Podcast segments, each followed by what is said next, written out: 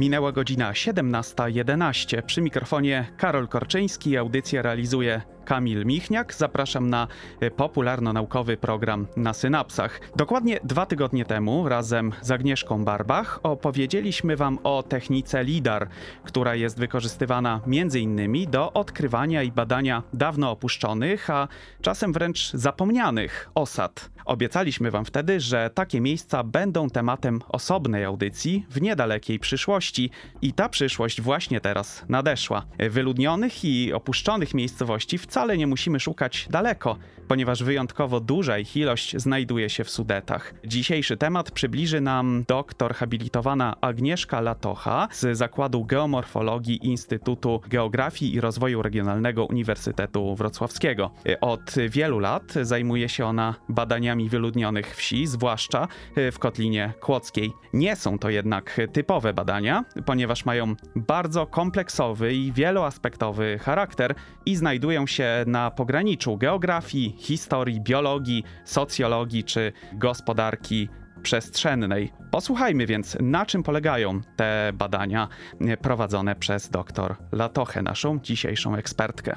Zaczęło się właściwie od tego, że te obszary wyludnione były dla mnie tylko tłem do takich typowych badań geomorfologicznych, które prowadziłam w ramach realizacji mojej pracy doktorskiej. I y, tutaj chodziło przede wszystkim o to, jak na terenach wyludnionych, gdzie zmieniło się użytkowanie ziemi, czyli właśnie w miejsce dawnych gruntów ornych, dawnych wsi, dawnych dróg polnych, wkroczyły nam lasy albo łąki. Czyli jak ta zmiana użytkowania wpłynęła na zmianę procesów, które działają na stokach, typu na przykład spłukiwanie, mamy opad deszczu, zaczyna się e, erozja na takim odsłoniętym podłożu, kiedy użytkowane jest ono rolniczo i jak e, zachowują się koryta rzeczne. W czasach, kiedy stoki były bardzo mocno użytkowane rolniczo i było intensywne spłukiwanie właśnie gleby, która dostawała się później do koryta potoku, to w czasie wezbrań takiego potoku ten materiał mineralno-organiczny był akumulowany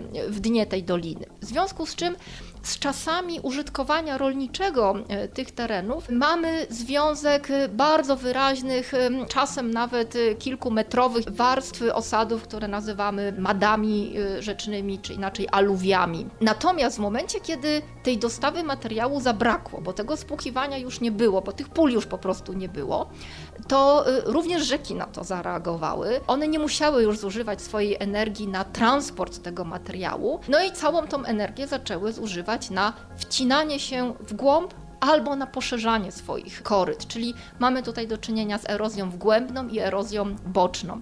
I to można zaobserwować praktycznie na większości potoków w Sudetach. E, także jak Państwo kiedyś będą e, wybierać się na wycieczkę w Sudety, to proszę przyjrzeć się tym potokom, że dużo z nich właśnie charakteryzuje się takim pogłębionym w ostatnim czasie korytem. Bardzo często mamy taką sytuację, że korzenie drzew, które rosną gdzieś koło tego koryta, wiszą w powietrzu. No, wiadomo, że one same same z siebie tak nie wyrosną, więc to jest dla nas pośrednio dowodem na to, że te koryta były poszerzane. Z czasem coraz bardziej zaczęła mnie interesować właśnie historia i przeszłość tych opuszczonych osad.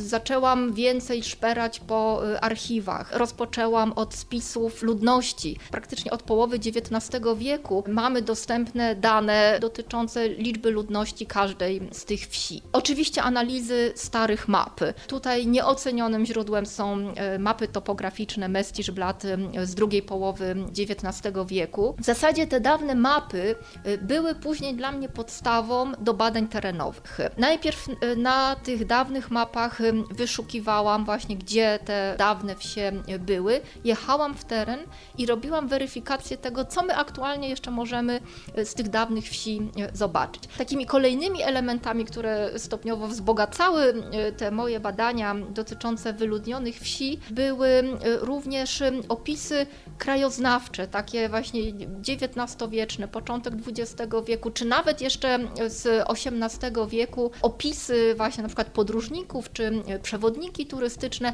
które opisywały, jak ten krajobraz wyglądał, w związku z czym było to dobre do porównań, które chciałam robić, czyli właśnie jak ten krajobraz się zmienił. Nieocenionym źródłem informacji są dawne fotografie, widokówki, czy rysunki, ryciny, które można znaleźć w starych książkach, to również wywiady z mieszkańcami wsi, o ile na przykład jeszcze kilka osób tam zamieszkuje, ale również udało mi się dotrzeć do ludzi, którzy mieszkali kiedyś w takiej wsi, która na przykład teraz zupełnie zanikła. Oni mieszkają teraz, nie wiem, parę wsi dalej. Więc właśnie wywiady są też bardzo cennym źródłem informacji. Z jednej strony, żeby dowiedzieć się o przyczyny, dlaczego oni opuszczali te tereny, a z drugiej strony, żeby też dowiedzieć się, jak ten krajobraz, jak ta przestrzeń tej wioski y, wyglądała kiedyś, de facto jeszcze te kilkadziesiąt lat temu, żeby właśnie mieć punkt odniesienia, y, jak to się y, zmieniło. W przeszłości Sudety wyludniały się wyjątkowo intensywnie i w kilku etapach. O tym kiedy, jak, dlaczego ludzie masowo opuszczali ten obszar, porozmawiamy już za chwilę. Radio Luz. Nadajemy z Politechniki Wrocławskiej. Na synapsach rozmawiamy dziś o wyludnionych wsiach w Sudetach. Jak przebiegał proces masowej emigracji z górskich obszarów naszego regionu? Kiedy był najbardziej intensywny i dlaczego w ogóle miał miejsce? Mówi nasza dzisiejsza ekspertka, doktor habilitowana Agnieszka Latocha. Właściwie można mówić o trzech takich głównych falach wyludnienia. Każda z nich była związana trochę z innymi czynnikami. De facto większość wsi, które zaczęły się w różnych obszarach Sudetów wyludniać, to jest koniec XIX XIX wieku. To był czas, kiedy na obszarach miast bardzo intensywnie następował rozwój przemysłu. I jeśli sobie wyobrazimy, jak bardzo gęsto zaludnione były wówczas Sudety, lasów było zdecydowanie mniej niż obecnie, grunty orne sięgały często do granic wododziałów, były zakładane na e, stromych, mocno nachylonych stokach, na których w obecnych w kategoriach to w ogóle nie wskazane byłoby użytkowanie rolnicze. Poza tym też bardzo te wsie były y, uprzemysłowione, w związku z czym właśnie to zaludnienie było bardzo duże. Te wsie, które położone były wyżej i no właśnie zdane były na bardzo trudne warunki środowiskowe, typu y, właśnie duże nachylenia, co generowało właśnie ten problem erozji, o którym wspominałam wcześniej. Również y, gleby sudeckie są bardzo płytkie, zwłaszcza właśnie te położone wyżej na, na stromych stokach, są kamieniste, a więc tutaj Uprawianie takiej ziemi wiąże się z tym, że mamy problem kamieni, które trzeba wybierać z tych pól. Rolnicy w Sudetach bardzo mocno borykali się z tym problemem, czego ślady możemy zobaczyć do dzisiaj. Często obecnie nawet na terenach leśnych możemy zobaczyć wielkie hałdy kamieni e, albo czasem nawet gigantycznych rozmiarów murki kamienne, ciągnące się nawet na długości kilkuset metrów to nic innego, tylko właśnie ślady po tej dawnej działalności rolniczej i, i, właśnie związane z tym, że ci rolnicy te kamienie musieli z tych pól wybierać. Jeśli te warunki użytkowania terenu były takie trudne i pojawiła się nowa możliwość, że y, można było przenieść się do miasta i, i znaleźć lepiej płatną i znacznie łatwiejszą pracę, chociażby przy taśmie w fabryce, no to Trudno się dziwić, że właśnie wtedy już dużo ludzi zaczęło te najmniej korzystne środowiskowo wsie opuszczać. Oczywiście to też wiąże się z kryzysami gospodarczymi, jakie później następowały, z kolei na przykład właśnie w latach 20., 30. Drugim takim przełomowym momentem to była II wojna światowa i przesiedlenia rdzennej ludności y, niemieckiej. Co prawda na ich miejsce napłynęła e, nowa ludność e, z Polski centralnej, Polski południowej, z obecnych terenów e, Ukrainy. Natomiast nie wszystkie osiedla zostały zasiedlone w takim samym stopniu. Zwłaszcza właśnie bardzo liczne przed wojną mniejsze osady, czyli właśnie kolonie większych wsi, przysiłki, różne osiedla, które były położone w takim izolowanym położeniu, no to tam ci nowi osadnicy niechętnie przejmowali te tereny, właśnie z tego względu, że nastawienie y, tych nowych osadników było przede wszystkim na działalność rolniczą. Ten przemysł, to rzemiosło, które było mocno rozwinięte we wsiach y, sudeckich przed wojną, to w zasadzie nie odrodziło się po wojnie albo w bardzo małym stopniu. W związku z tym, że właśnie przybywali osadnicy, którzy głównie utrzymywali się z rolnictwa, wybierali te gospodarstwa, y, które miały lepsze warunki. W związku z czym właśnie te bardziej izolowane miejsca czy górne odcinki wsi, niektóre już w ogóle po wojnie nie, nie były zasiedlone. Trzecia fala przypada mniej więcej na lata 50., 60. i związana była z tym, że nawet ci nowi osadnicy, którzy e, przyjechali i e, przez pewien czas gospodarowali na tych terenach, to stwierdzali, że jednak to środowisko górskie jest dla nich za trudne. Poza tym zabrakło przekazania tradycji, przekazania wiedzy, jak w tym trudnym środowisku górskim należy we właściwy sposób e, gospodarować. No bo w związku z tym, że bardzo niewielu autochtonów zostało na, na tym obszarze, większość jednak zmuszona była wyjechać, nastąpiło takie zupełne przerwanie tej tradycji. A jak przyjechali osadnicy, którzy byli chociażby przyzwyczajeni do terenów e, równinnych albo do żyznych gleb, no to trudno się też dziwić, że, że ci ludzie byli zniechęceni do, do życia w górach, no i po prostu wyjeżdżali. W przypadku y, ziemi kłodzkiej, jeśli porównamy y, dane ludnościowe dla każdej wsi od połowy XIX wieku, porównamy właśnie tą maksymalną liczbę ludności, jaka była w okresie przedwojennym, do jakiejkolwiek minimalnej wartości, która została w, w, okresie powojennym y, uzyskana. 75% y, wsi na, na ziemi kłodzkiej wyludniło się co najmniej w 50%. Po dawnych mieszkańcach obecnie opuszczonych sudeckich osad pozostało dziś zaskakująco wiele śladów, choć przyroda mocno zmienia niezagospodarowane już y, obszary. O tych zjawiskach opowiemy Wam więcej już za chwilę. Akademickie Radio Luz. Włącz się studencko. Słuchacie popularno-naukowej audycji Nasy na psach w akademickim Radiu Luz. Rozmawiamy dziś z doktor habilitowaną Agnieszką Latochą na temat wyludnionych wsi w Sudetach. Odzyskiwanie przez przyrodę obszarów, które były kiedyś zagospodarowane przez człowieka, nazywamy wtórną sukcesją roślinną. Na Dolnym Śląsku lub w Sudetach można zaobserwować różne stadia tego procesu. Na czym dokładnie polega e, i jak przebiega takie zjawisko. Co może nam powiedzieć e, o współczesnych procesach urbanizacyjnych i co pozostaje po dawnych osadach, kiedy przyroda przejmie już e, kontrolę? Ta sukcesja e, oczywiście na bardzo wielu obszarach występuje, bo dużo tych zanikłych wsi to jest obecnie las. Ten las tylko w małym stopniu został celowo nasadzony. Ta sukcesja wkraczała E, spontanicznie. Możemy e, stopniowo obserwować, jak ten dawny grunt orny e, jest zarastany właśnie darnią, krzewami, wkraczają pojedyncze drzewa i coraz bardziej ten proces nam się rozwija, aż do właśnie no, ostatecznej postaci, jaką jest las. Także bardzo dużo e, lasów, które porastają właśnie te e, dawne e, wsie, rozwinęła się właśnie w taki sukcesywny sposób. Natomiast co ciekawe, co wyszło z badań pod kątem też tej analizy botanicznej?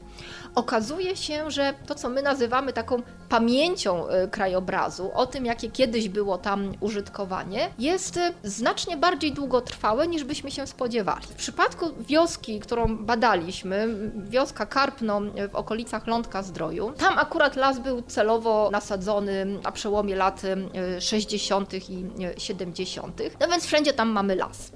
Ale okazuje się, że w obrębie właśnie tych miejsc, gdzie dawniej były domostwa, gdzie jeszcze mamy ruiny zachowane, albo podmurki, murówki, albo właśnie występują hałdy kamieni, czy te murki właśnie, które wyznaczały nam granice własności, czy właśnie były odkładane przez rolników, jak wybierali kamienie, żeby orka była możliwa, to okazuje się, że roślinność, która porasta tego typu tereny, jest typowa dla terenów otwartych, mimo że mamy tam las, prawda?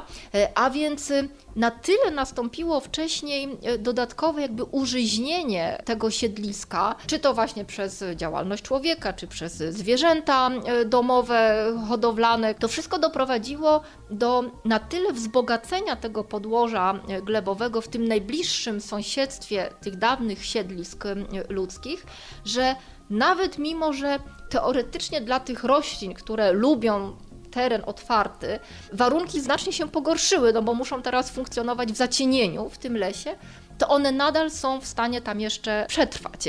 No a mija już, prawda, no kilkadziesiąt lat od tego momentu, więc tutaj trzeba też rozróżniać, że sukcesja nastąpiła, ale jednak trwałość, czyli właśnie ta pamięć o tym, jakie było wcześniej użytkowanie, nadal jeszcze można odczytać. Czyli, jak rozumiem, powstał taki specyficzny, y, unikalny ekosystem, będący połączeniem ekosystemu polnego i ekosystemu leśnego. Tak, zdecydowanie. Można wyciągnąć taki wniosek, że te relikty y, dawnych y, wsi, dawnych osiedli bardzo sprzyjają urozmaiceniu środowiska przyrodniczego, właśnie tej różnorodności siedlisk. Y, Przykładowo, jeśli mamy stare wąwozy drogowe, przegłębione nawet do, do, do kilku metrów, to są dawne drogi, które już obecnie nie są użytkowane ale właśnie przez to, że one zostały przegłębione i że ta forma tego wąwozu została zakonserwowana, czy to właśnie pod pokrywą lasu, czy pod pokrywą darniową, to również e, no, chociażby warunki wilgotnościowe są zupełnie inne niż na terenie przyległym, prawda? Bo tu jednak mamy zagłębienie, mamy dodatkowe zacienienie, w związku z czym już można obserwować, że inne gatunki e, roślin będą występowały w obrębie tego wąwozu, a inne na powierzchni stoku, gdzieś tam w jego sąsiedztwie. Albo też jeszcze jedna bardzo ciekawa rzecz, która na początku bardzo mnie zaintrygowała i, i nie wiedziałam, dlaczego tak się dzieje. Praktycznie w centralnych częściach wielu tych zanikłych wsi można obecnie zobaczyć e, podmokłości. Pojawia się pytanie, no jak to? No to czy ci ludzie mieszkali na takich bagnach, prawda? No oczywiście, że nie. Tyle tylko, że przed wojną te tereny były no, bardzo dobrze użytkowane, w sensie, że na przykład większość terenów ornych, czy właśnie w otoczeniu już danego siedliska wsi e, było e, drenowane, więc ta gospodarka wodna była no, bardzo dobrze utrzymywana. Natomiast w momencie y, zaniku y, osadnictwa, zaniku użytkowania w ogóle tych terenów, te dreny stopniowo albo ulegały zamuleniu, y, albo zniszczeniu. Mogły być na przykład w czasie zbyt głęboko prowadzonej orki już właśnie w okresie powojennym, mogły być po prostu zniszczone. No i to wszystko doprowadziło do tego, że właśnie paradoksalnie na tych terenach, które dawniej były centrum tego siedliska i były właśnie bardzo silnie drenowane, teraz w wyniku właśnie e, zniszczeń, zaniedbań tej dawnej sieci drenażu właśnie występują podmokłości i tu znowu rozwijają nam się już e, inne e, rośliny, gatunki charakterystyczne właśnie dla takiego wilgociolubnego podłoża. Także rośliny są naprawdę świetnymi wskaźnikami, że mamy do czynienia z jakąś formą antropogeniczną, a jednocześnie z kolei te formy antropogeniczne przyczyniają się do no, de facto wzrostu urozmaicenia środowiska. Bardzo dobrym przykładem tego zjawiska jest chociażby to, że właśnie te hałdy kamieni czy murki z tych kamieni wybieranych z pól przez rolników, o których wcześniej wspominałam, one teraz na przykład mogą występować gdzieś w środku lasu. I ten las generalnie jest praktycznie sam świerkowy, iglasty. A najczęściej te hałdy i, i te murki porośnięte są drzewami liściastymi. Więc to też tutaj jest od razu właśnie y, no, taką ciekawostką, bo z jednej strony ta roślinność pozwala nam rozpoznać formy antropogeniczne, a z drugiej strony te formy antropogeniczne sprzyjają temu, że pojawia się inna roślinność. W ogóle takim ewenementem są na przykład drzewa owocowe, które gdzieś w środku takiego iglastego lasu nagle możemy spotkać w czasie naszych wędrówek. No i to też jest właśnie wskaźnik tego, że tutaj prawdopodobnie kiedyś y, była jakaś zagroda i, i to był po prostu przydomowy sad. Opowiedzieliśmy Wam o badaniach e, wyludnionych wsi z perspektywy geografii fizycznej, historii i biologii. Okazuje się więc, że to zaskakująco szerokie i ciekawe pole do badań. E, osobiście muszę Wam się przyznać, że kiedyś prawie napisałem pracę magisterską na ten temat. Za moment dowiecie się, dlaczego badania dr Latochy są nie tylko ciekawe, ale też ważne i przydatne. Akademickie Radio Luz. Słuchacie popularno-naukowej audycji na synapsach. Rozmawiamy dziś o badaniach wyludnionych osad w Sudetach. Okazuje się, że takie badania mogą nam powiedzieć bardzo dużo nie tylko na temat naszej przeszłości, ale także na temat naszej teraźniejszości i przyszłości. Takie badania po pierwsze pozwalają nam zrozumieć, z czym my w ogóle mamy do czynienia na danym obszarze. One mogą też nam pozwolić trochę głębiej popatrzeć na to, co nas otacza, bo bardzo często pierwszy taki odruch wchodzimy do lasu, mówimy, o jaka fajna, dzika przyroda, prawda? A tymczasem okazuje się, że z dzikością to ona nie ma nic wspólnego, bo już właśnie e, chociażby kilka wieków temu była użytkowana przez człowieka i istniały tam wioski, a las jest całkowicie sztucznie nasadzony, prawda? Więc to jest też jakaś taka weryfikacja, na ile mamy do czynienia z obszarem naturalnym, no, takich to praktycznie już nie ma w ogóle, ale półnaturalnym, więc to pozwala nam określić e, jakby stopień antropopresji, czyli też stopień tego przekształcenia rzeźby terenu przez człowieka. A jednocześnie tego typu badania odpowiadają też na pytanie o trwałość, czyli że właśnie prowadzimy jakąś gospodarkę i jak trwałe będą ślady tego, co my zrobimy. Więc to jak najbardziej można przenieść też do czasów współczesnych, prawda? No tyle różnych działań jest gospodarczych podejmowanych, zwłaszcza w ostatnich latach presja na przestrzeń, tą jeszcze otwartą, niezabudowaną jest bardzo duża, zwłaszcza w naszym kraju, więc myślę, że to może być trochę też taka odpowiedź, y, a trochę też może też takie większe poczucie odpowiedzialności za te nasze decyzje planistyczne chociażby, y, które my podejmujemy podejmujemy dzisiaj, prawda, że musimy się liczyć, jak długo one będą obecne w tym środowisku i jak bardzo one jednak modyfikują to otoczenie, krajobraz i całe środowisko. Natomiast to, co mnie ostatnio osobiście najbardziej jakoś tak odpowiada, powiedzmy taka idea przyświeca moim badaniom, to jest większe rozpowszechnienie na gruncie polskim idei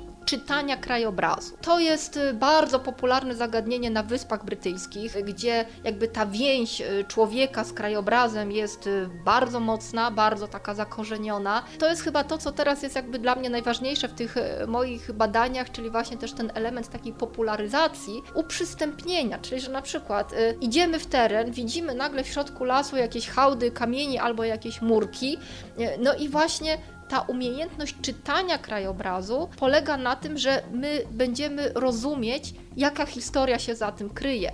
Prawda? Albo na przykład zobaczymy jakieś podłużne zagłębienia e, w terenie i że będziemy w stanie odczytać, e, czy to jest dawna droga, czy to są ślady jakichś okopów, e, czy może to są ślady poszukiwań górniczych, a więc jaka działalność człowieka stoi za tym, co my teraz w krajobrazie możemy zobaczyć. Mam nadzieję, że to może być jakaś taka użyteczność dla społeczeństwa, czyli po prostu no, lepsze rozumienie tej przestrzeni, która nas otacza, no a już bardziej dla profesjonalistów, no to również lepsze jej planowanie w przyszłości, żeby uwzględnić te, czasem nawet wydaje nam się, że to są takie drobne elementy przeszłości, typu właśnie jakieś tam hałdy kamieni, prawda, jakieś murki. I nie zdajemy sobie sprawy, że, że one mają bardzo ważną wartość y, historyczną, że to są właśnie elementy krajobrazu kulturowego, y, które no, często decydują o właśnie tak zwanej tożsamości danego regionu, więc różne zakusy, jakie y, obecnie się pojawiają, że właściwie po co takie murki, przecież tu można stok narciarski wybudować, albo jakiś kolejny gigantyczny hotel. No więc może właśnie z tą świadomością, jak cenne są te elementy i jak bardzo dużo one nam mówią o historii, może też planiści y, popatrzą z większą wrażliwością na te drobne elementy krajobrazu i, i je też bardziej docenią. Mam nadzieję, że jesteście już y, przekonani, że poznawanie dawnych jednostek osadniczych nie tylko może zainteresować miłośników wielu różnych dziedzin, ale jest też bardzo pomocne w zrozumieniu otaczającej nas przestrzeni. Jeśli chcecie wybrać się w Sudety i odwiedzić miejsca, o których dzisiaj mówimy, koniecznie zostańcie z nami, bo za chwilę powiemy Wam, dokąd warto się udać. Włącz się na 916.fm. Na synapsach poznajemy dzisiaj opuszczone wsie w Sudetach. Warto więc y, przy tej okazji odpowiedzieć sobie na pytanie, dokąd warto się udać, żeby osobiście odwiedzić pozostałości dawnych e, osad. Nasza dzisiejsza ekspertka, doktor habilitowana Agnieszka Latocha, ma wieloletnie doświadczenie w badaniu takich miejsc i jak mało kto może nam polecić te, które szczególnie warto zobaczyć. Chociażby ta wioska Karpno, o której wspominałam, to jest koło Lądka e, Zdroju i właściwie z całej wsi została stosunkowo niedawno e, odnowiona kaplica leśna i tam kilka razy w roku odbywają się nabożeństwa, więc to też jest taki fenomen, że, że właściwie już żadnej zabudowy z tej wsi nie zostało. To też jest e, no, takie interesujące zjawisko, że w zasadzie wsi nie ma, ale ona nadal funkcjonuje w świadomości mieszkańców i mm, zwłaszcza właśnie ludzie z, z okolicy, z Lądka czy, czy z okolicznych mm, wsi właśnie regularnie tam przychodzą, uczestniczą w tych y, nabożeństwach. Na terenie Wrzosówki i Lutyni zostało zrobione parę lat temu ekomuzeum, Czyli właśnie jest to taka forma, no w pewnym sensie trochę wdrażania też tej idei czytania krajobrazu, bo mamy ustawione e, tabliczki w terenie, e, które właśnie informują nas o jakichś interesujących obiektach, właśnie głównie związanych z architekturą, jak na przykład ta kaplica, czy jakieś przydrożne kapliczki. Więc tutaj jakby jest też taki element promocji tych zanikłych wsi. No i jeszcze dwa przykłady zanikłych wiosek, gdzie są poprowadzone ścieżki e, edukacyjne, więc tutaj to mogę bardzo polecić, no bo jest już właśnie ten, ten element taki edukacyjny. To jest wieś Czerwony Strumień koło Międzylesia, gdzie raz, że jest właśnie ścieżka dydaktyczna i, i szlak e, poprowadzony przez teren tej wsi, tablice z informacjami, co widzimy, prawda, że na przykład to jest ruina dawnej szkoły, a tutaj typowy budynek z XVIII wieku, znaczy ruina budynku, czy właśnie ruina kaplicy barokowej. To oprócz tego jest też wydawnictwo książkowe, które zostało wydane przez jeden z lokalnych NGO-sów, y, Towarzystwo Górskie Róża e, Kłodzka. Więc to właśnie też była no, taka inicjatywa wypromowania e, tej historii i tego dziedzictwa e, kulturowego. I drugi przykład takiej ścieżki mm, edukacyjnej e, to z kolei e, przenosimy się w rejon gór stołowych i na terenie Parku Narodowego Gór Stołowych, praktycznie tuż w pobliżu granicy e, polsko-czeskiej, jest e, wyludniona wieś Ostra Góra. Tam jest e, poprowadzona też parę lat temu właśnie taka e, ścieżka z kilkoma tablicami. Tu z kolei mamy właśnie stare fotografie e, na tych tablicach, więc to jest bardzo interesujące, żeby zobaczyć, jak to konkretne miejsce wyglądało przed wojną, a już sami możemy sobie porównać, co, co obecnie widzimy. Zbliżamy się do końca dzisiejszego popularno-naukowego programu na synapsach. Rozmawialiśmy o opuszczonych y, wsiach y, w Sudetach. Gościnią i ekspertką była doktor habilitowana Agnieszka Latocha z Zakładu Geomorfologii Instytutu Geografii i Rozwoju Regionalnego Uniwersytetu Wrocławskiego. Mamy nadzieję, że ten temat y, bardzo Was zainteresował. Może kiedyś kiedy zrobi się już cieplej, a śnieg stopnieje, wybierzecie się w Sudety i odwiedzicie miejsca, o których wam e, opowiedzieliśmy. Przy mikrofonie był z wami Karol Korczyński, audycję realizował e, Kamil Michniak. Następne wydanie programu na synapsach już w najbliższą sobotę o godzinie 15. Spotkają się z wami Agnieszka Barbach i Paweł Chlastacz. Zapraszamy. Radio Luz. Włącz się lokalnie.